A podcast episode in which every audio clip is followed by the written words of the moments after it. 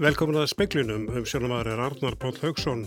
Metamálar á þeirra stefnir að því að ríkisútvarpið hætti á auglýsingamarkaði og vil að stuðningur hér veði svipar og annar staðar á Norðurlöndum þar sem ríkismiðlar er ekki með auglýsingar. Engin ákvæður í þriðja orkupakkanum um að lagðar verði skildur á Íslanda að leggja sæstreng. Þetta kom fram á fundi utanríkismálulemdar alþingis í dag. Dómari sem leggst gegn innleðingu orkupakkans segir þetta rétt. Máli snúist hins vegar um að Íslands stjórnvöld skuldbindir sig að vera ekki að þvælast fyrir mönnum sem vilja leggja sæstreng. Fyrsti skiptafundur þrótabús Vá er var haldin í dag. Annar skiptastjóran á ekki vona því að hægt verða að greiða allar forgámskröfun. Gæsluvarhaldi yfir tveimur útlendingum var í dag framlengt um fjórar vikur þeir reyndu að smikla tugum kílóa amfetamin og kókaini hinga til lands. Og það verður engin flugveldarsýning á 25 ára amalisátt í danskra dagan. Stikkis Holms Bæri vil vera leiðandi í ungverðismálum. Lilja Alfredsdóttir, menta og menningamálar þeirra stefnir að því að ríkisútvarpið fara af auglýsingamarkaði. Hún vonar að fjölmila frumvarpið sem hverður á um að engareknir fjölmilar verði eldir verða lögum í haust. Hún vil að fyrirkomlaði verði svipað og annar staðar á Norðurlöndum þar sem ríkismilanir eru ekki með auglýsingar. Ef að þú færi af auglýsingamarkaði, hvernig sér þið fyrir eh, að koma þá til móts við það, það tekjutapp? Ríkisjóður og við þurfum að gera það vegna þess að þetta snýr líka í íslenski menningu og það að fjölmiðlar og ríkisútvarpið að þeir geti gengt sínu líðræðislega hlutverki þannig að, að ég tala fyrir sterku rúf en ég tala líka fyrir því að rekstra umhverju einhverjum fjölmiðla það þarf að vera eðlilegt og þau einhverjum fjölmiðlar þeir þurfu að geta e, búið sér til tekjur. En myndur þú þá koma til móts við tekjutabið með styrkjum eða með bara beinu greiðslum eða hvernig sér þetta fyrir? Þetta er eitthvað sem stjórnarflokkanir þurfa þá að útfæra, verði þessi leið valin sem ég hef talað fyrir í talsverðum tíma og mér finnst mjög brýnt að við bara ræðum þetta vegna þess að staða mjög margra á þessum fjölmjölamarkaði, hún er bísna tvísín og það íslensk menning hún bara tapar á því. Þetta var Lilja Alferðsdóttir, Emil Ósk Magnúsdóttir, talaði við hana. Til harðara orðaskipta koma á fundi auðaríkismálunemdar alþingis í dag. Þingmenn funduðu, funduðu að orðavali og lýsingum dómara sem vara við upptöku þriðja orkubakkans. Fimm gestir kom á fund utan ríkismála nefndar í dag til að ræða þriðja orkupakkan. Flesti sögðu ekki ástæð til að hafa áhyggjur að valda framsali vegna hans. Arnar Þór Jónsson hérastómari var á öndverðari skoðun.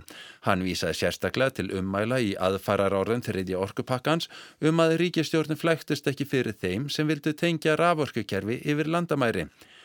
Áslög Arnar Sigurbjörnsdóttir, formar utanríkismálanemndar, spurði Arnar Þór hvort fordæmi væri fyrir því að dæmt væri á grundvelli aðfararorða í gerðum Evrópasambansins.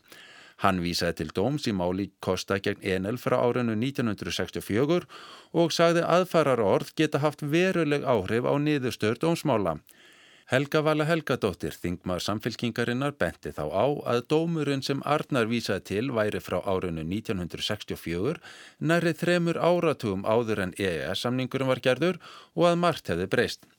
Þegar leið á tíman sem Arnar Þór var á fundi nefndarinnar hittnaði sumum í hamsi.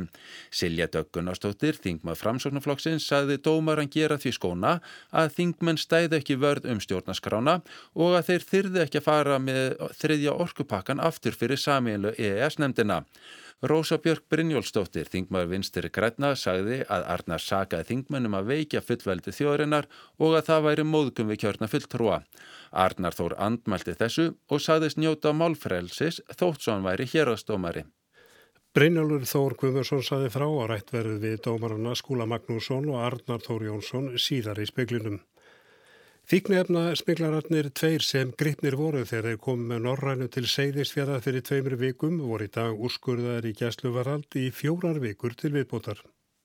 Í fólksbíl sem mennir komið með frá Þískalandi voru samkvæmt heimildum fréttastofu á milli 40 og 50 kíló af amfetamíni og kokaini.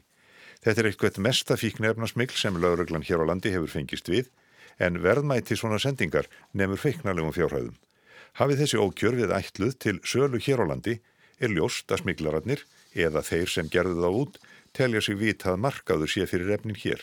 Þetta gæti samkvæmt heimildum fréttastofu verið mörg hundruð þúsund skamtar. Tvímenningarnir sem eru með þýst og rúmenst ríkisfang munum við yfirherslur ekki hafa gefið trúverði og skýringar á erindi sínu hingað. Hins vegar hefur annar þeirra, samkvæmt heimildum fréttastofu, áður komið hingað til lands. Sú Íslandsferð hans og yðja þeirra heimafyrir er meðal þess sem er undir í rannsókninni nú. Ekki hefur fengist uppgefið hvort einhverjir hér eða í útlöndum eru grunnaður um hlutdeild í smiklinu. Brotti Brottarsson saði frá. Fyrsti skiptafundur þróttabús VÁ er var í dag. Launatengdar kröfur, það er forgangskröfur í búi nefnum 5 miljardum króna og heildar kröfur 138 miljardum. Þorsten Einarsson annar skiptastjóra VÁ á ekki vona því að hægt er að greiða allar forgangskröfur. Eins og staðan er í dag þá reiknaði ekki með því en það var reyndar eftir að samþykja forgangskröfur. Þannig að það svo vinnur í gangi þannig að við vitum ekki hvort að það verði 5 miljardar að lokum eða hvort að fjáraðan verði læri. Hvað eru þið búin að samþykja mikið af forgangskröfunum? Eh, mjög fáar forgangskröfur, það er búin 230-40 miljónir eða rétt en það er vinsla í gangi við að taka afstöðu til launakrafna. En þetta eru þúsund kröfur eða svo þannig að vinnan er gríðilega mikil og við erum með fólk úr launabókaldi sem var að vinna í launabókaldi í vátir hjálpa okkur við að greina þetta og auðvelda okkar vinnuna. Hvað tekur núna við? En nú tekur vinna við að ljúka að halda áfram vinnu við forgangskröfur og aðrar kröfur, sértökukröfur, kröfur sem að, það sem aðalega krefist að fá aðfenda hluti frá búinu og um er deilt. Nú ef ekki umleysist að þá þarf að vísa því til dóms. En stefnan er sett af það að taka sér afstöð til flestra krafna fyrir fundin 10. oktober. Hvernig gengur sala á eignum vá? Við erum eftir að selja hluta eigna en, en það er mikið farið. Hvað eru búið að selja fyrir mikið? Ég bara mann það ekki, það var sett upp á tjaldið hérna áðan, ég hvort það var uh, 250-300 miljónir, ég man ekki alveg, ég skal ekki segja. Það er líka í ferli? Það er líka í ferli að ljúka sölu egna, það er stór hlutið að farin og seldur. Sagði Þorstein Einarsson í vitalið við Þórtísi Arljóðsdóttur. Áður óþekti trjábólaför hafa fundist í raunlagastabla við Ófegsfjörð á ströndum þar sem leggja á vegslóða upp á heiðina vegna framkvæmda við kvalárvirkjun. Þetta kemur fram í skýslu náttúrufræðistofna sem byrtir í dag. Farið var í vettvangsferði í Ófegsfjörð fyrir umri viku, fundust margar fallegar trjáhólur og sérstaklega í efri hluta strandarfjallan. Trjábólaför og trjáhólur eru steingervingar og njóta vendar samkvæmt lögum um náttúruvend. Fréttast og áskaði eftir svörum frá umhverjastofnun um hvorta og þá hvaða áhrifin niðurstuðna gætu haft á fyrirhuga framkvæmdur vegna kvalárverkjunar í ófyrsvirði í árneisreppi. Þau svör fengust að viðbræða stofnunarinnar mætti venda í næstu vikum. Það verður engin flugvaldarsýninga á dönskum dögum í stikkistólmi þetta árið því bærin vil vera leiðandi í ungurismálum. Frankvandastjóri hátíðarinnar segir að þetta sé komið til með að vera. Danskir dagar eru rótgróin fjölskylduháttíð í stikkisólmi þar sem dönskum menningararfi er fagnað. Hún er nú haldin í 25. sinn og segir Hjördís Pálsdóttir framkvæmdastjóri háttíðarinnar að hljóðið í heimamönnum sé mjög gott og von sé á fjölda fólks í hólminn. Hún segir dagskrána fulla af skemmtilegum viðburðum og nóg sé að gera fyrir yngri kynsluðana. Þá sé hið vinsala gaðefest eða hverfiskrill á sínum stað. Hverfunum hér er skipt í held ég tíu hverfi. Það heita allir dönsku nöfnum eins og Himmelbjarget eða Ströget og flera. Og þá taka sér saman hverfin og skreita með dönsku skreiti og, og og hérna sumir með gítarspil og svo fara dómar hérna milli og dæma skemmtilegast að hverfið. Mikið er um danska matvöru, til dæmis grilla smábröð og heitar eplaskýfur. Á bæjarháttuðum er flugveldarsýning oft það sem setur punktin yfir yð en Stikkishólmsbær ætlar að fara aðra leið. Við ætlum að sleppa enni ári í, í fyrsta skipti og hérna Stikkishólmur hefur verið mjög framalega umhverfsmálum undanfærin ár og við höfum bara ákveðið að slúta þessari flugveldarsýningu. Bæjarbúar hafa tekið þessu vel og segir Hjördis þetta það sem koma skal. Hún á von á að fleiri háttíðir fari að þeirra fordæmi.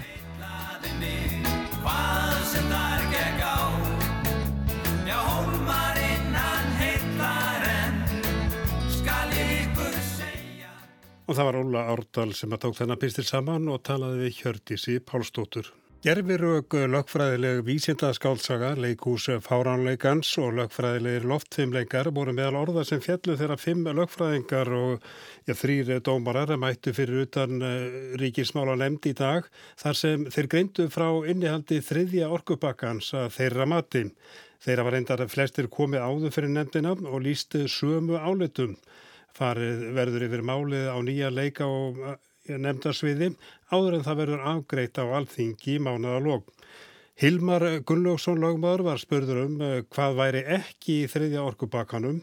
Hann eh, sagði að þar eh, væri ekki verið að tala um að leggja sæstreng, ekki verið að taka á ákvæðum valdaframsal og að pakkin leiði ekki til að herra orkuverðs. Margret Einarstóttir, dósend við HR, sagði ekkert ákvæði væri í orkupakkanum um að skilda okkur til að leggja sæstreng. Hún fjallaði líkum afleggingar þess að ef pakkanum verði sinjað á alþingin Það myndi hafa mikil áhrif í Noregi til skipunum hafi aldrei í 25 ára sögu ES verið sinjað og það myndi hafa pólitísk áhrif en hún eh, sagðist ekki geta sagt hvers eðlist þau gætu orðið. Arnar Þór Jónsson var sá eini sem hafði ekki komið fyrir nefndina og uh, sá eini sem gaggrindi þriðja orkupakkan. Ég náði að króa hann og skúla Magnússon og Dómaran af í dag til að ræða við þá en þeir eru algjörlega á öndveri meði. Skúli Magnússon vann áliðskerð um stjórnskipulega álitaefni tengslu við innliðingu þriðja orkubakkans. Arnar Þór Jónsson hefur skrifað fjölmarkar greinar og leggst eindriði gegn innliðingu orkubakkans. Hann viðkennir að ekki sé hveð á um skildur í lögunum um pakkan um að hér verði lagðu sæstrengur. Hins vegar er hann samfarið um að þriðja orkubakkin fél í sér að hér verði lagðu strengur vegna þess að uh, það er verið að undirgangast þarna ákveðina skuldbindingar til þess að þvælast ekki fyrir þeim sem vilja leggja sæstreng til Íslands. Fjárfestum og fyrirtækjum sem segja við erum með fjármagn og við erum tilbúin að leggja þennan streng. En uh, skúli, já, þú segir, það komu hérna menn fyrir nefndina áðan segja að það sé ekkit ákveði um uh, já, sæstreng í lögum um þriðja orkubakkan. Þú stendur við það? Já, sko mín aðkoma eins og máli er svo að mér var fallið að, að fjalla um stjórnskipuleg álitaefni vegna fyrirhugaðarar innleðingar þriði orkubakkans og þessi stjórnskipuleg álitaefni snúast einungi sem heimildir eftirlistofnunar EFTA og, og samstafstofnun uh, eftirlistæðila, EISER og, og þessar heimildir þær ná öruglega ekki til ákvörðanar um, um lagningu sæstrengs. Þannig að þessi stjórnskipul álitefni sem mér var fallið að, að fjalla um kom í raun og veru ekkert inn á þessa sæstrengs umræðu eða með mjög svona, uh, uh, svona óljósum og, og fjallagum hætti ef, ef, ef svo mórið komast. En þessi skýring hans að uh, í lögunum félist það að ríkja ekki getur að þvælast fyrir lagningu sæstrengs?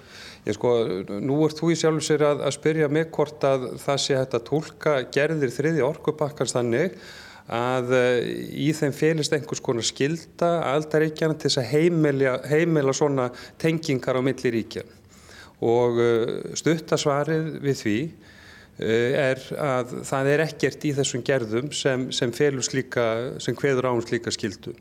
Það er ljóst að markmið Európa-sambansins eru þau að styrkja innviði og, og styrkja slíka tengingar en það er jáfnframt alveg ljóst að, að uh, það er engin slík skilda í gerðunum sjálfum þannig að einhver svona uh, einhverju svona lögfræðilegir loftumleikar þeir myndu þá snúast um, um uh, almenna reglur EES-samningsins vantilega 11. greina sem hveður á um frjálsa vöruflutninga Þegar norminni samþýttu pakkan þá kom skýrt fram þar að, ja, að EASR gæti ekki fyrirskipaðu lagningu sæstrengs og það væri algjörlega valdi normana að taka bæði ákvörnum lagningu sæstrengs og virkjanir. Þurfum við ekki að horfa á þetta sko, í staðið fyrir að horfa á þetta frá stopnunum og niður, þurfum við ekki að horfa á þetta sko frá atvinnulífun og fjárfyrstunum og upp því að málinn munu berast þá leiðina til dómstóla. Menn munu kvarta yfir því að fá ekki að leggja sæstrengi eða sæstreng á milli Íslands og Meilandsins og þar fer málið að rúla í gegnum samningsbrótamál og síðar í gegnum skadabótamál og ég meina við skúlefum báðir setið í dómararsæti við vitum það að, að, að það má kalla auðvitað margt af því sem að lögmenn er að tefla fram lögfræðilega loftfimleika en þetta er enga síður aðferðina sem lögmenn beita. Þeir beita þess að þeir tjálta öllu til sem hægt er og skúli tala réttilega um það að það er mælt fyrir um það í þessu, þessum EES uh, hérna, uh, umhverfi að það sé frjáls, frjálst flæði á vöru og þar með núna ramagni að þessu verður tjálta til og, og jáfnframt uh, markmiðslýsingunum og við veitum þá ekkert hvernig þetta fer. Það er minn punktur. Við erum stöndum fram fyrir óvissu og verðum að gæta allrar varúðar. En þetta snýst ekkert um þriðja orkupakkan í raun og veru að það kom fram hérna að það er erfið að leggja sæstreikin eftir samvikt orkupakkan sér vegna fyrir bara stjórnvalda. Sko munu þessi stjórn, fyrirvari stjórnvalda hafa eitthvað að segja. Ég menna er gert ráð fyrir því að að, að þetta sé aðferð. Mér sýnist EES samningurinn þvert að móti gera ráð fyrir því að aðferðin sé svo að þjóðir óski eftir undan þá. Við ættum að vinna á grundvelli samningsins. Hann er til þess að fylgja.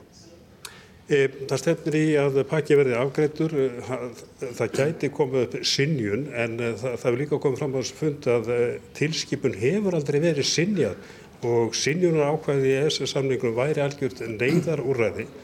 Hefur þú veltið fyrir skóli hvaða afleiðingar það myndi hafa? Já, auðvitað ég velti fyrir mér og ég starfaði auðvitað uh, tölvöld lengi í Luxemburg hjá eftir dónstólnum og ég komið að, hvað ég voru að segja, ES samstarfinu og stofnunum eftir Eh, sko, við erum aðtóða það að mér var ekki falið að fjalla um það atriðið eh, hvaða afleggingar sinnjun eh, myndi hafa. Eh, Karl Bátenbacher fjallaði um þetta sérstaklega í álitskerð sem hann var beðunum að semja. Þannig ég myndi nú vísa til þess, svo álitskerð er mjög ítaleg og það er farið yfir svona laga pólitískar afleggingar hugsanlega sinnjunar og ég held að það sé ekki rétt að mér að fara að úttala mig um hvernig ég eh, tel að málmyndu hugsalega þróast og hvaða hættur eh, Sinjun eh, hefur í för, för með sér. En Arður Þór, já, Sinjun, það tala um það að Sinjun geti hatt pólitískar afleðingar, mennur ekki alveg, sjá ekki alveg fyrir sér hverja er yfir. Líka fara með málið aftur til samveilu eftirnemdarinnar, uh, það var ekki hægt vegna þess að vera að fara fram á okkur breytingar sem væru ekki í lögum.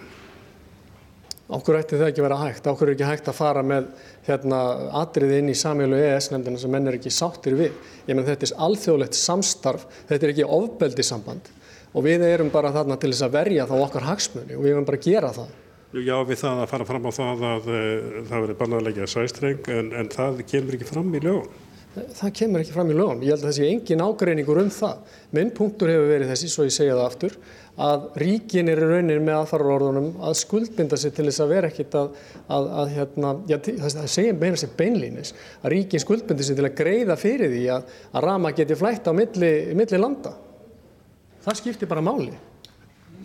Ég, ég nú kannski verða aðeins að fá að gera aðtóðsundi þetta. Það er náttúrulega uh, þessi orkustefna Európa-sambansins að þarna er vísa til, hún felur ekki í sér skildur aldaríkjana til þess að heimila þessa samtengla og það kemur í sjálf sér alveg ljóst, alveg skýrt, verður skýrt ráðið af gerðinni sem fjallar um uppbyggingu þessar orku innviða og hún er ekki bindandi þannig að þessi áallun þar sem æsling er að finna hún, þetta er ekki skuldbindandi áallun. Sko, ég myndi bara vilja segja uh, það um, um, um þessa hugsaðlugu skildu að það er ekkert aðildaríki Európa-sambassins sem heldur því fram með að hefur það afstöðu að svona skilda sé fyrir hendi. Um, það er ekkert í dómum Európa-dómstólsins sem gefur til kynna að það er að tólka uh, fjórfrelsið með þessum hætti sem Arnáð Þór er að, að, að, segja hugsalega muni samt sem að vera gert. Það er ekkert í ákvörðunum frangvænta stjórnarinnar. Það er engin viðurkendur fræðimaður á sviði Európuréttar sem heldur þessu fram. Það er í stuttumáli ekkert sem við höfum til þess að styðja þessa, þessa fullviðingar. Nú má þetta alltaf segja, við vitum aldrei hvernig, hérna, við vitum aldrei hvernig dónstólar munu dæmamál. Það er vissulega rétt en við skulum ekki fara að hætta bólusetningum barna að því að hugsanlega er einhver staðar einhver áhætta eða eitthvað sem við sko getum ekki algjörlega reknað út af þessu ögnablikki. Þetta verður að gera ráð fyrir því að þessi dómstóla munu dæma samkvæmt lögum, eða gera það ekki og þá höfum við ákveðin úrræði. Það er einn annar bara... Bæta við þetta. Að segja sko að ég tel út af fyrir sig ábyrðalaust að lagt sig upp í ferðalag á þess að vera örug með það að þetta muni ekki enda með ósköp og hérna það er ekkert svar að segja að það er ekkert víst að það verði slís. Er það það, það sem þú talar um í þinni greinagerði heimatilbúinu kenningum, spátumum eða óskegju, er það vísað til þess? Ég veit ekki hvað þú ert að vísa til í, í, í, í hér, greinagerinu. Mínum, mínum, mínum að þið brítur innleðingu þriði orkupakkars alvarlega gegn þessum undurstöðum íslensk réttar. Þú talar um hérna að þessi lámaskrafa út frá sjónum með réttaröryggi borgarana og fyrir sjáleika í lögum að lagafrækand uh, að lögin séu grundvöld á staðrendum en ekki heimatilbúnum uh, kenningum, spátómum og óskykjum. Já, ég meina, er það, eitthvað, er það, er það ekki bara lámaskrafa borgara í, í réttaríki að, að lög séu grundvölduð á staðrendum og við vitum á hverju þau eru byggð en að þau séu ekki sett með, með það hugarfari í, í bakþanganum að það sé ekki víst að þau valdi okkur tjóni. Minn punktur er þessi, innleðingin veikir réttarstöð okkar í hugsanlegum dómsmálum og það er ástæðlust. Við þurfum ekkert að vera að innleða þetta. Arðar Jónsson og Skúli Magnússon, þakkum við kjælega fyrir.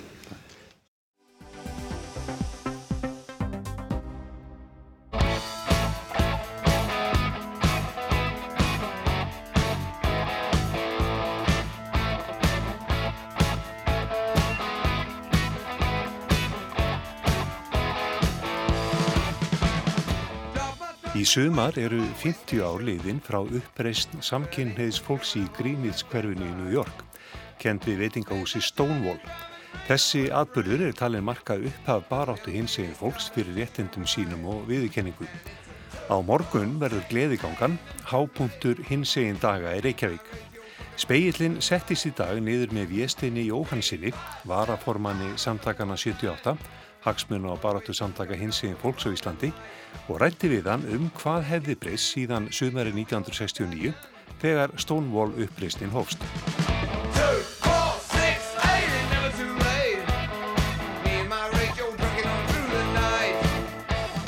Já, það hefur eiginlega bara allt breyst. Ég held að þau, og þau hafa sagt það í viðtölum, þáttakandur í uppreistinu sjálf, að þau átt ekki vona því að þetta myndi breyta svona rætt, sérstaklega hvað var það á réttindi hins eginn fólks á Vesturlöndunum. Við erum bara að horfa á allt annað landslag, uh, hjúskapar, réttindi, staða hins eginn fólks, það er miklu meira umburðalindi og svo framvegis. Þannig að það hefur opbáslega mikið gerst og mjög hratt og þetta er í rauninni sjálft séð að það gerir svona hratt og það séu svona opbáslega margir sem að styðja á bakvið mannréttindabaráttu eins og þessa. Er hægt að tala hreinlega um byltingu? Já, það mætti segja það, svona, já, nokkus konar bylting allan á viðhorfum fólks en svo sjáum við að núna í mitt að það er eitthvað aðeins að breytast, það er eitthvað í loftinu og eitthvað í stjórnmálunum og, og samfélaginu sem er aðeins að breytast og þetta er til að mynda í bandaríkunum eru gerða kannanir á hverju ári og það er aðeins viðsnúningur til dæmis niður á við núna hvað varðar viðhorf til hins einn fólks. Er einhver ástæða fyrir því?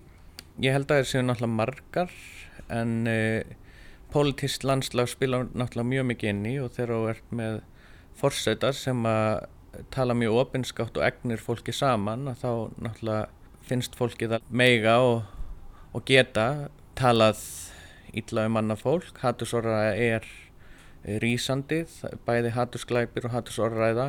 Bandaríkunum og Breitlandi sérstaklega sjá við mjög mikið um hattusklæpi og hattusorraðu í Evrópu líka og náttúrulega víðar og við erum alveg að sjá keima því hér heima líka. Spila trúabröð þannig? Já, trúabröð og uppeldi, pólitíska skoðanir, það er svona bara, já, ímislegt mentun og svo framvegis. En hvernig er, þú myndist líka á Breitlandin, hvernig er ástandið í Evrópu? Í Evrópu er það nokkuð gott en við erum að upplega ákveði bakslag og við erum að sjá fréttir frá Pólandi þar sem er ráðist á göngu hins eginn fólks. Við erum að dreifa límiðum með hattursorræðu og fólk er bara í félum. Við erum líka að fá fregnir af því að í Rúslandi er verið að setja upp heimasíðu þar sem á að fara að merkja hins eginn fólk og svo getur við borgað klink inn á síðuna til að fletta upp fólki. Þannig að það er mjög ógvænlegar upplýsingar.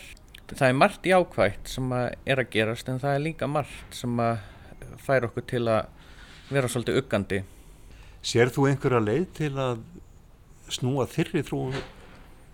Ég held þetta snúist náttúrulega fyrst og fremst um samtal og sínileika.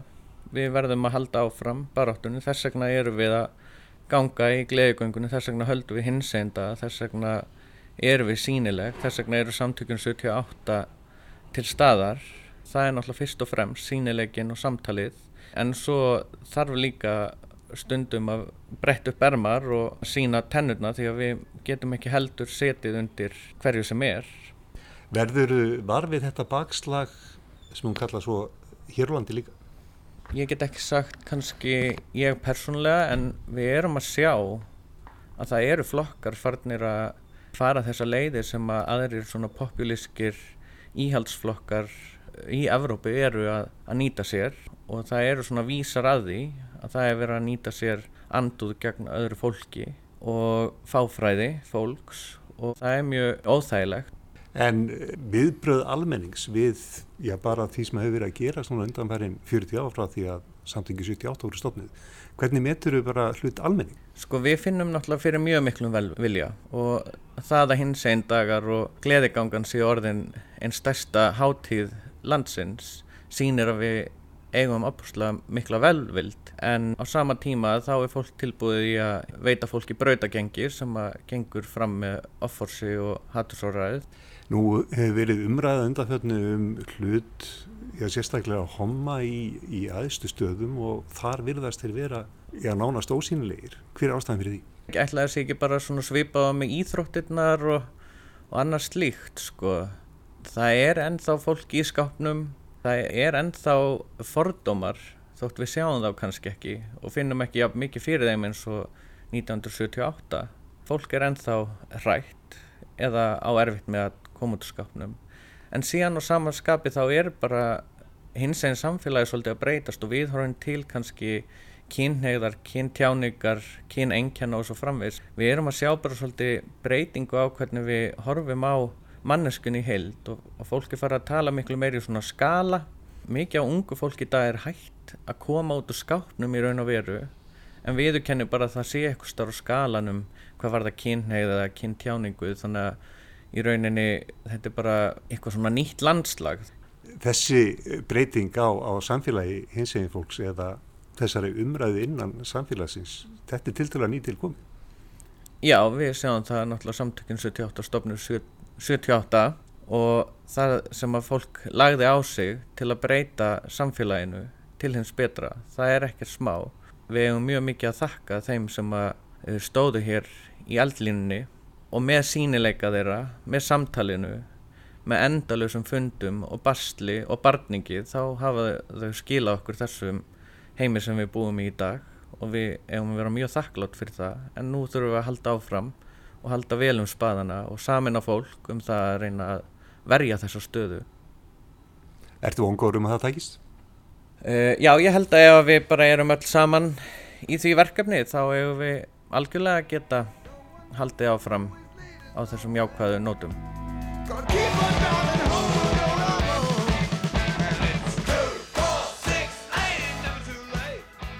Það var Kristján Sigurðarsson sem tók þennan pistil saman og talaði Viestein Jóhansson við rockundileiku Tom Robinsons. En það var helst í speklinni kvöld að mentamálar á þeirra stefnir að því að ríkisútvarpið hætti á auglýsingamarkaði og vil að stöðningur verði svipaður hér og annar staðar á Norðurlöndunum þar sem ríkismiðlar eru ekki með auglýsingar. Engin ákveður í þriðja orkupakkanum um að lagður verði, lagðar verði skildur á Ísland að leggja sæstreng. Þetta kom fram á fundi utanríkismálun nefndar alþingis í dag. Dómari sem leggst gegn innleðingu orkupakkans segir þetta rétt. Málið snúist hins vegar um að Íslands stjórnvöld skuldbindir sig að vera ekki að þvælast fyrir mönnum sem vilja leggja sæstreng. Og fyrsti skiptafundur þóttabús Vá er var haldin í dag, annar skiptastjóri á ekki vona á því að hægt verða að greiða allar forgámskröfur. Gesslu var hægt yfir tveimur útlendingum var í dag framlengt um fjóra vikur. Þegar reyndu að smikla 20 kíló af amfetamin og kokaini hinga til lands og það verður norðaustan og norðan 10-15 metrar á sekund en kvassara í vindstrengjum söðaustalands og á stökustafn á vesturlandi bjarta mestu sunnan heiðan en dáli til væta annar staðar talsverð rigning á austurlandi setnibartina morgun hiti 6-11 stig um landi norðavert en 11-16 stig siðra yfir daginn. Er ekki fleira í spekulni kvöld Gísli Kjaran Kristjánsson var tæknumöður verið sæl og góða helgi.